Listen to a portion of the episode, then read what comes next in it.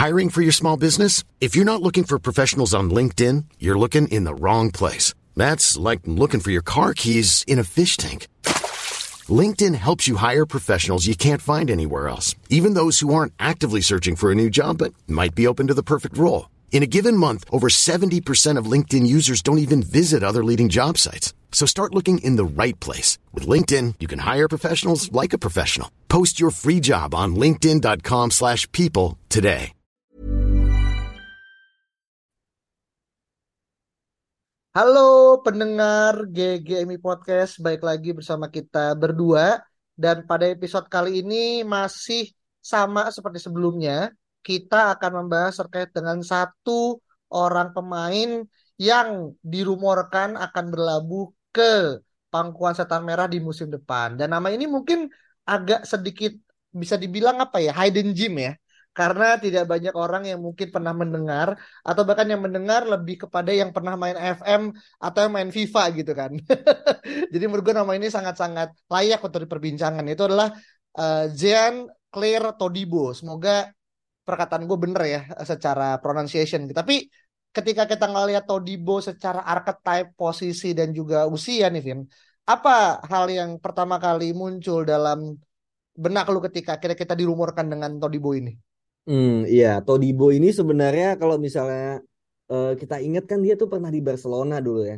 Dan bahkan kayaknya fansnya Barcelona pun nggak ingat kalau ada pemain namanya Todibo gitu.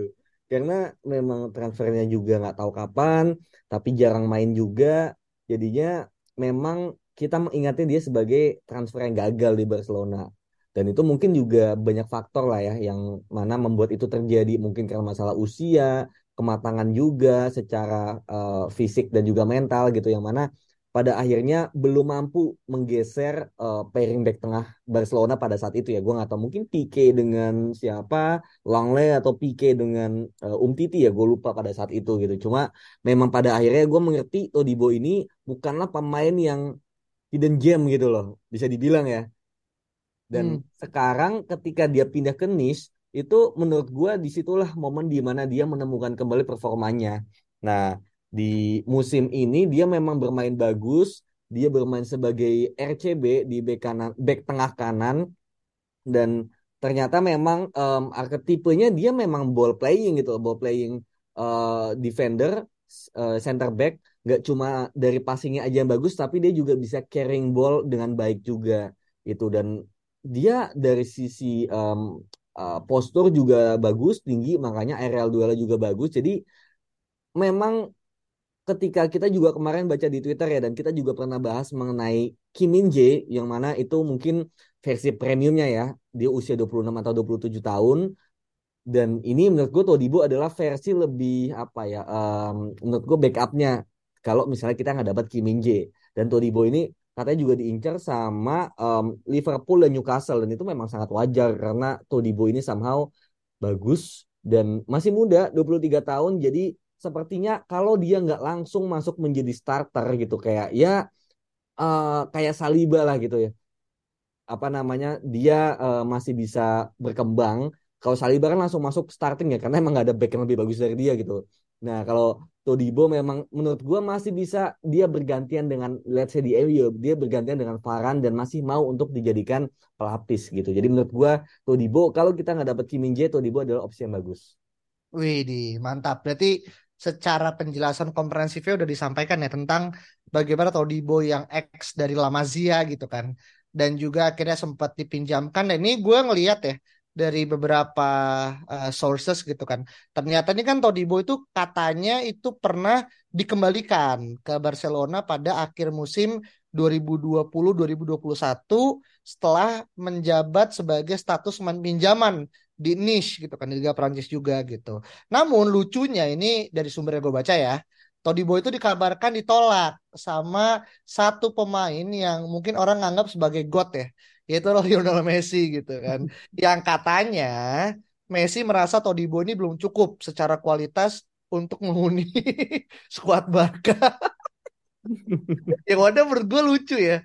Uh, kayak dan kita tahu sendiri Messi pasti punya suara ya suka tidak suka pemain sekelas Messi pasti memiliki suara yang berpengaruh di ruang ganti gitu kan dan mungkin somehow uh, manajemen Barca kebeli gitu kan dan mungkin ngelihat karena saat itu juga dia juga bersaing sama Ronald Araujo kan uh, yang mana hmm. kayak tadi juga masih ada Samuel Umtiti ya sebelum dia juga uh, busuk gitu ya akhirnya bahkan sekarang main di Liga Italia bersama Lis gitu kan jadi menurut gue Todibo kalau secara bibit bibit bobot kita nggak usah inilah ya apa namanya uh, meragukan gitu ke secara latar belakang segala macam. Usianya masih 23 tahun, masih cukup premium lah kalau untuk akhirnya memiliki high selling ke depannya gitu. Nah, permasalahannya adalah kalau kita lihat dari transfer market, dan ini juga di quote sama Fabrizio Romano, dia bilang kalau Jean Claire Todibo ini harganya bisa mencapai 45 juta euro atau sekitar 726 miliar ya kalau kita rupiahkan gitu. Nah,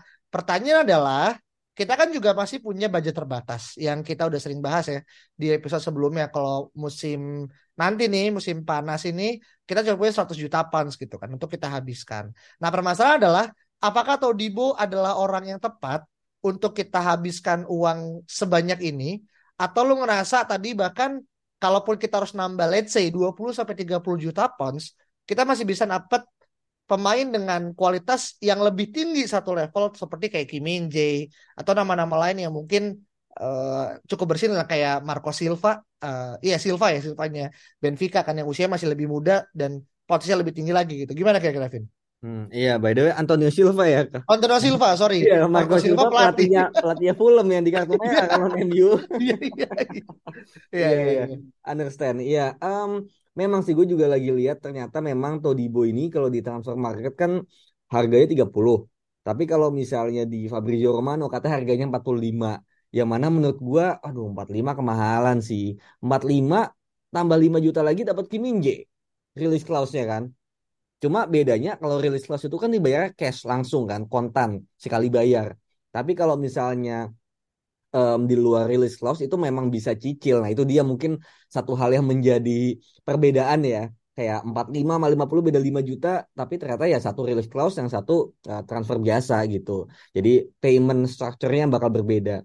Tapi ya tadi yang gue bilang juga kalau misalnya tuh di 45 juta menurut gue kemahalan gitu loh karena ya apa ya Todibo meskipun bagus gitu tapi menurut gue dia belum terbukti lah kasarnya ya. Dia masih bagusnya di uh, Nice dan itu juga kayak baru semusim kalau nggak salah ya.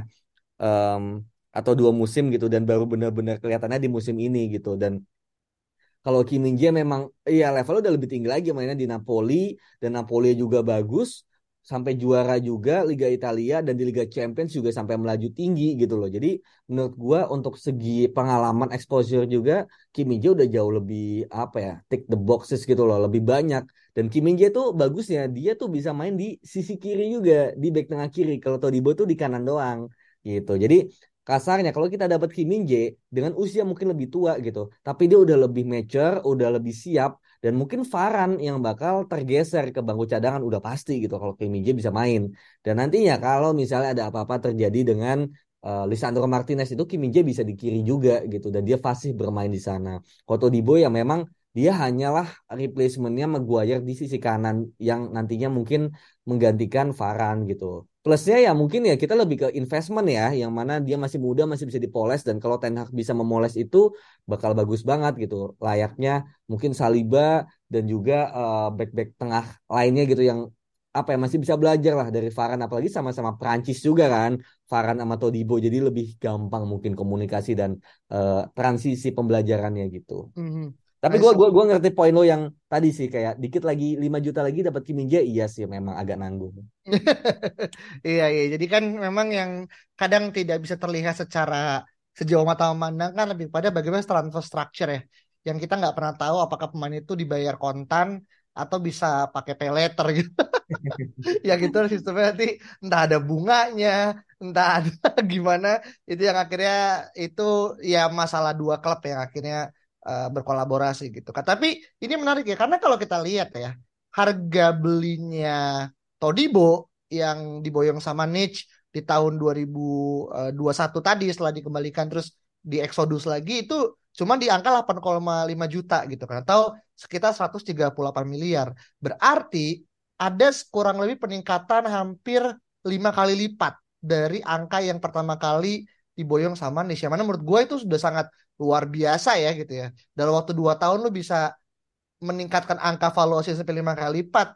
Yang mana bisa jadi gitu kan. Ketika pemain itu terus bertambah tua, biasanya valuasi semakin nurun gitu kan. Karena kan dia kan pasti punya pick kan. Dan kadang kan hal-hal ini yang akhirnya perlu diperhatikan sama pemain dan juga klub. Jangan sampai investasi yang dia punya itu terlalu nanti jadi menurun gitu. Hmm. Yang sekarang lah menurut gue waktunya ini untuk ngejual karena uh, lagi hangat-hangatnya lah hot prospect gitu kan. Tapi itu satu. Nah yang kedua yang menarik adalah katanya gitu kan. Ini gue juga baca di satu sumber gitu kan.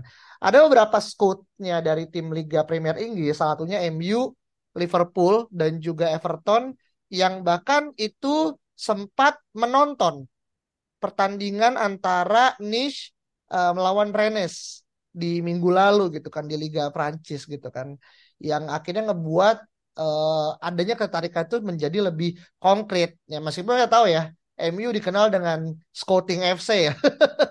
Semua ditonton gitu kan. Tapi geraknya enggak gitu. Hmm. tapi kan menurut gue ini adalah satu hal yang akhirnya ngebuat suatu sinyal positif gitu. Nah pertanyaan gue adalah gitu kan. Selain daripada tadi harga kita udah ngomongin masalah archetype dan apa pun yang akhirnya menjadi posibilitasnya Todibo bisa bermain di MU pertanyaan gue adalah apakah gitu kan ketika Todibo ini bermain lu akan ngelihat dia atau dalam arti pindah ke MU ya lu akan ngelihat dia sebagai starting eleven dalam arti dia akan jadi week in week out players atau nantinya akan lebih kepada lebih ke quote unquote ya cadangannya Varan gitu ketika dia cedera dan kita udah sering lihat ya Varan di musim ini pun juga banyak alfanya gitu kan di pertandingan-pertandingan besar gitu. Gimana Vin?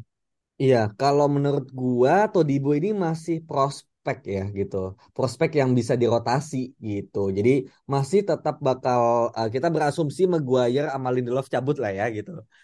Itu menurut gua masih bakal menjadi um, cadangannya Varan menurut gua karena Ya Todibo meskipun lumayan, lumayan oke okay, gitu, tapi kualitasnya masih di bawah Varan dan juga um, belum bisa lah untuk bermain week in week out gitu. Cuma kalau um, nanti perkembangannya bagus ya mungkin dia bisa menggeser Varan gitu. Cuma starting pointnya dia bakal menjadi rotasional yang bakal berkembang um, apa ya kayak karena kita melihat juga Varan ini sering cedera dan ada kekurangan dari Varan yaitu Varan ini ternyata passingnya nggak bagus gitu loh meskipun carryingnya lumayan tapi passingnya nggak bagus sedangkan Todibo passingnya bagus ball carryingnya juga bagus gitu jadi sebenarnya secara sistem dia udah oke okay. tapi secara pengalaman dan composure permainan ketenangan. Nah itu masih di bawahnya Varan gitu. Beda sama Kim Min Jae. Kalau Kim Min Jae datang gue masih yakin banget Kim Min Jae itu bakal langsung ngegeser Varan gitu loh. Jadi Kim Min Jae sama Varan ini somehow kayak apa ya kayak kita punya dua bintang tapi cuma bisa pilih satu. Dan ada satu yang harus uh, tergeser lah ke bawah. Dan ya mungkin Farhan juga harus tahu diri lah kalau misalnya tergeser sama Kim Min Jae. Tapi kalau Todibo sebenarnya dari sisi apa ya um, squad ya. Komposisi di mana ada satu yang senior tapi sama udah mulai menua dan ada kemungkinan cedera. Yang satunya masih muda potensial lebih bagus ada potensi lebih bagus dan lebih fit.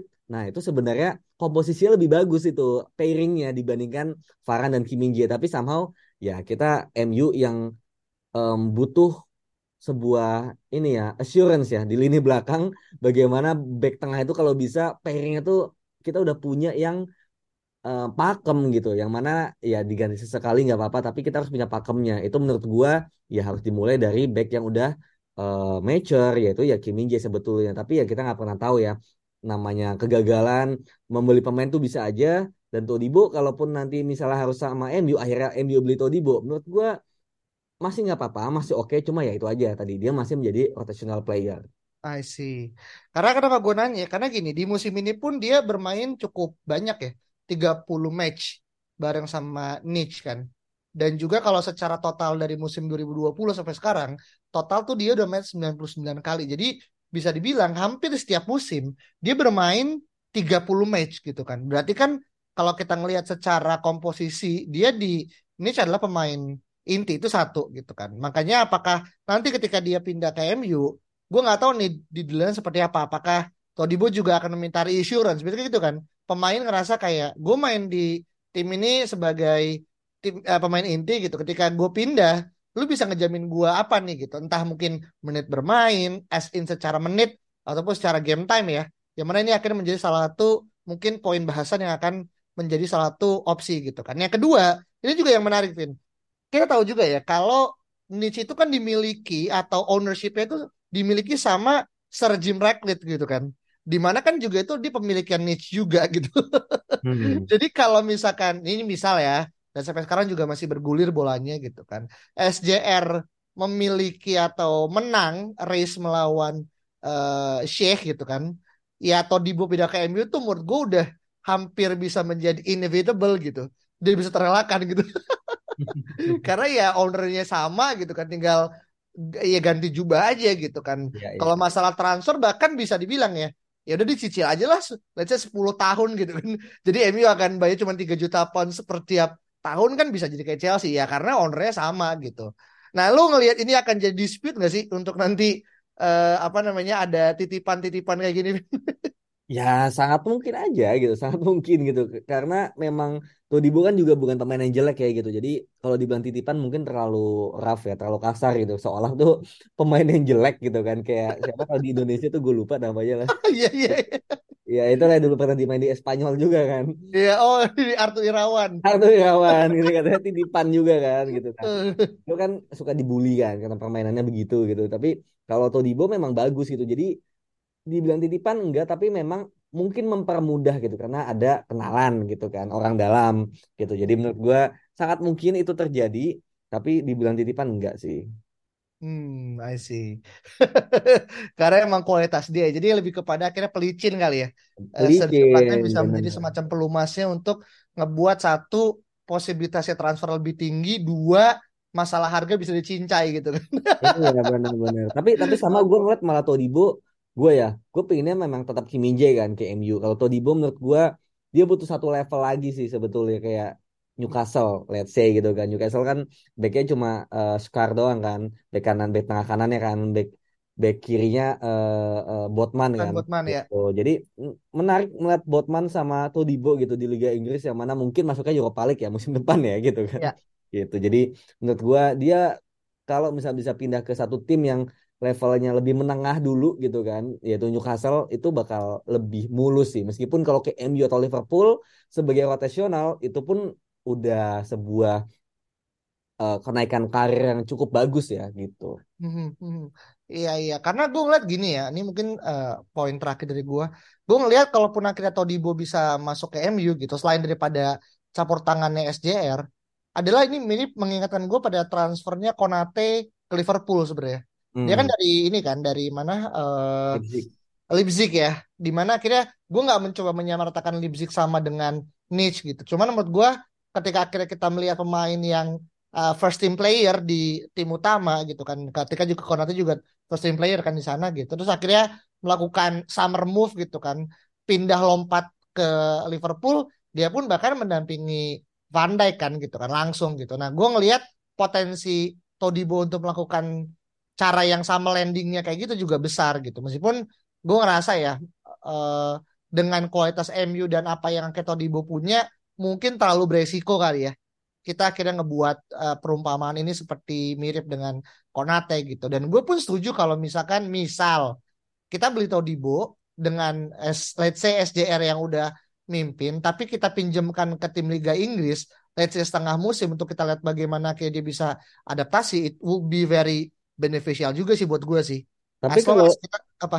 Ya tapi kalau diping kita beli 50 juta terus kita pinjemin iya gua, gua sih gua sih kalau gua gua nggak kayak gitu sih gitu. Gua iya nggak soalnya kalau misalnya pinjemin tuh kalau masih muda banget tuh ya 19 tahun 18 tahun gitu. Tapi Todibo udah cukup menurut gua untuk jadi rotasional gitu. Ya kalau misalnya sama gua yang Lindelof kita jual terus kita beli tuh di buat dipinjemin lagi backnya siapa main gitu. Gak ada dong.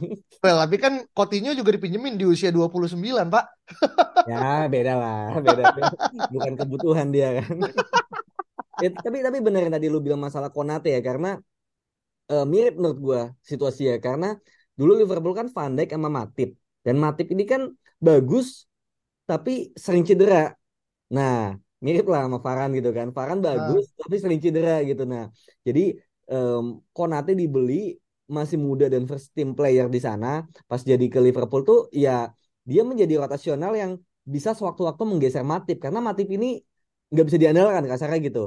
Nah, kalau di MU ya ini Farhan ini ke apa eh, fisik yang nggak bisa diandalkan dan Todibo ini bisa sewaktu-waktu menggantikan gitu. Jadi benar juga yang lo bilang bahwa Hmm. situasi Konate dan Todibo ini mirip yang di Liverpool sama di MU gitu. Cuma memang mungkin masalahnya lebih ke harga aja sih yang gua kesel Iya. kayak kalau kita tahu ya Akanji itu cuma 15 juta aja gitu loh. 15 atau 20 juta dibelinya dan ya itu sih karena memang kontraknya tinggal setahun ya. Cuma kayak kenapa kita nggak move sama sekali gitu loh sama Akanji yang nggak jelek dia tuh bahkan di City bisa jadi back tengah, back tengah kanan, back tengah kiri juga gitu loh. Semalam lawan Real Madrid dia jadi back kiri kan. Gitu. Jadi kita miss out sama pemain-pemain yang bagus tapi murah gitu. Malah kita harus beli pemain yang ya kualitasnya nggak beda jauh tapi harganya tuh pasti selangit gitu loh. Mahal Hmm. karena ya kebodohan sendiri. Itu itu aja sih yang bikin gemes ya. Iya iya iya Kanji dan juga kita ingat juga ya Konate kan juga sempat dikaitkan dengan MU kan pada saat akhirnya sebelum dia pindah gitu. Walaupun kita nggak bisa waktu apal apakah saga transfer Konate itu mirip dengan Cody Gakpo enggak nggak sekencang itu tapi gue pernah dengar juga itu ya ada rumor kalau MU pun juga ngincar Konate walaupun saat dia akhirnya eh, pindah ke Liverpool gitu kan. Maka tadi gue ngelihat kayak ini agak mirip gitu kan secara eh, posisi satu karena sama-sama CB dua secara timing karena dia menggantikan orang yang rentan cedera dan usianya juga mungkin udah mulai masuk ke fase-fase declining gitu kan. Yang ketiga datang sebagai first team player di liga second tier gitu kan. Dan satu di liga Jerman, satu liga Prancis tuh akhirnya tiba-tiba langsung main sebagai ya quote unquote ya eh, ya player di tim yang sekelas MU dan Liverpool gitu kan. Nah, ini yang mungkin patut untuk kita lihat bagian perkembangan dari eh, Todibo di bursa musim transfer musim 2023-2024 gitu. Ya. Nah, terakhir mungkin sebagai singkat aja dari 0 sampai 10 seberapa akhirnya skala Todibo bisa eh, chance untuk gabung ke MU Vin? Em, Todibo menurut gua 7 sih. 7 karena memang em, Emi butuh back gitu. Pastinya bakal beli back tengah gitu karena Maguire udah hampir pasti cabut kan. Dan em, sebenarnya kan yang kita bingung apakah yang jadi priority adalah LCB atau RCB kan itu kan. LCB ini mungkin untuk di posisinya em, pelapisnya Lisandro atau di RCB penggantinya Maguire. Tapi sama gue merasa RCB ini lebih urgent karena Maguire pasti cabut dan juga Lindelof ada kemungkinan dia bakal cabut anyway gitu. Jadi em, menurut gua untuk LCB ini kalaupun Martinez nanti ada something gitu kan, ya Luxo masih bisa menggantikan untuk sebagai inval kasarnya gitu ya. Tapi kalau RCB kalau nggak ada Maguire sama Lindelof ya nggak ada siapa-siapa lagi gitu. Makanya sama menurut gua RCB ini lebih butuh dan kalau Maguire udah hampir pasti cabut. Lindelof masih 50-50, tapi kemungkinan juga dia bakal minta cabut gitu. Nah, kalau itu terjadi, pasti beli back tengah kan. Nah, masalahnya Kim Min Jae ini kan em, klausul rilis klausul itu kan em, cuma bisa diaktifkan di 15 hari doang tuh, bulan Juli. Sedangkan kita aja belum tahu em, siapa penyerang yang kita beli, kemudian pemiliknya juga siapa belum tahu gitu loh. Jadi takutnya ketika kita miss out di tanggal itu, nah harganya dimahalin jadi 75 juta gitu. Dan itu udah nggak make sense menurut gue. Jadi kayak em, ada kemungkinan pada akhirnya kita beralih ke pemain yang lebih murah yaitu ya Todibo ini. Makanya gue bisa yakin back itu pasti dibeli, cuma nggak tahu siapa dan sama Todibo ini menurut gue adalah second option kalau Kim Min Jae nggak dapet. Makanya gue bilang kemungkinannya 7 dari 10. Oke, berarti lumayan tinggi walaupun memang membutuhkan banyak skenario ya. Dan kita tahu juga di bursa transfer itu kan kayak domino effect ya. Satu pindah itu akan mem- membuat semua tuh pindah gitu kan.